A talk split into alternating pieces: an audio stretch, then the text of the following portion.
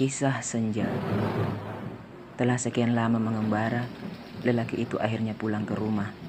Ia membuka pintu, melemparkan ransel, jaket, dan sepatu.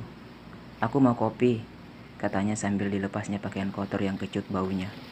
Istrinya masih asik di depan cermin, menghabiskan bedak dan lipstik, menghabiskan sepi dan rindu.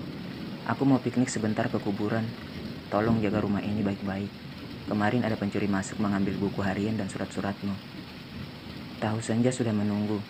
Lelaki itu bergegas ke kamar mandi, gebiar gebiur, bersiul-siul sendirian. Sedang istrinya berlenggak-lenggok di depan cermin, mematut-matut diri, senyum-senyum sendirian. Kok belum cantik juga ya? Lelaki itu pun berdandan, mencukur jenggot dan kumis, mencukur nyeri dan ngilu, mengenakan busana baru, lalu merokok, minum kopi, ongkang-ongkang, baca koran. Aku minggat dulu mencari hidup. Tolong siapkan ransel, jaket, dan sepatu.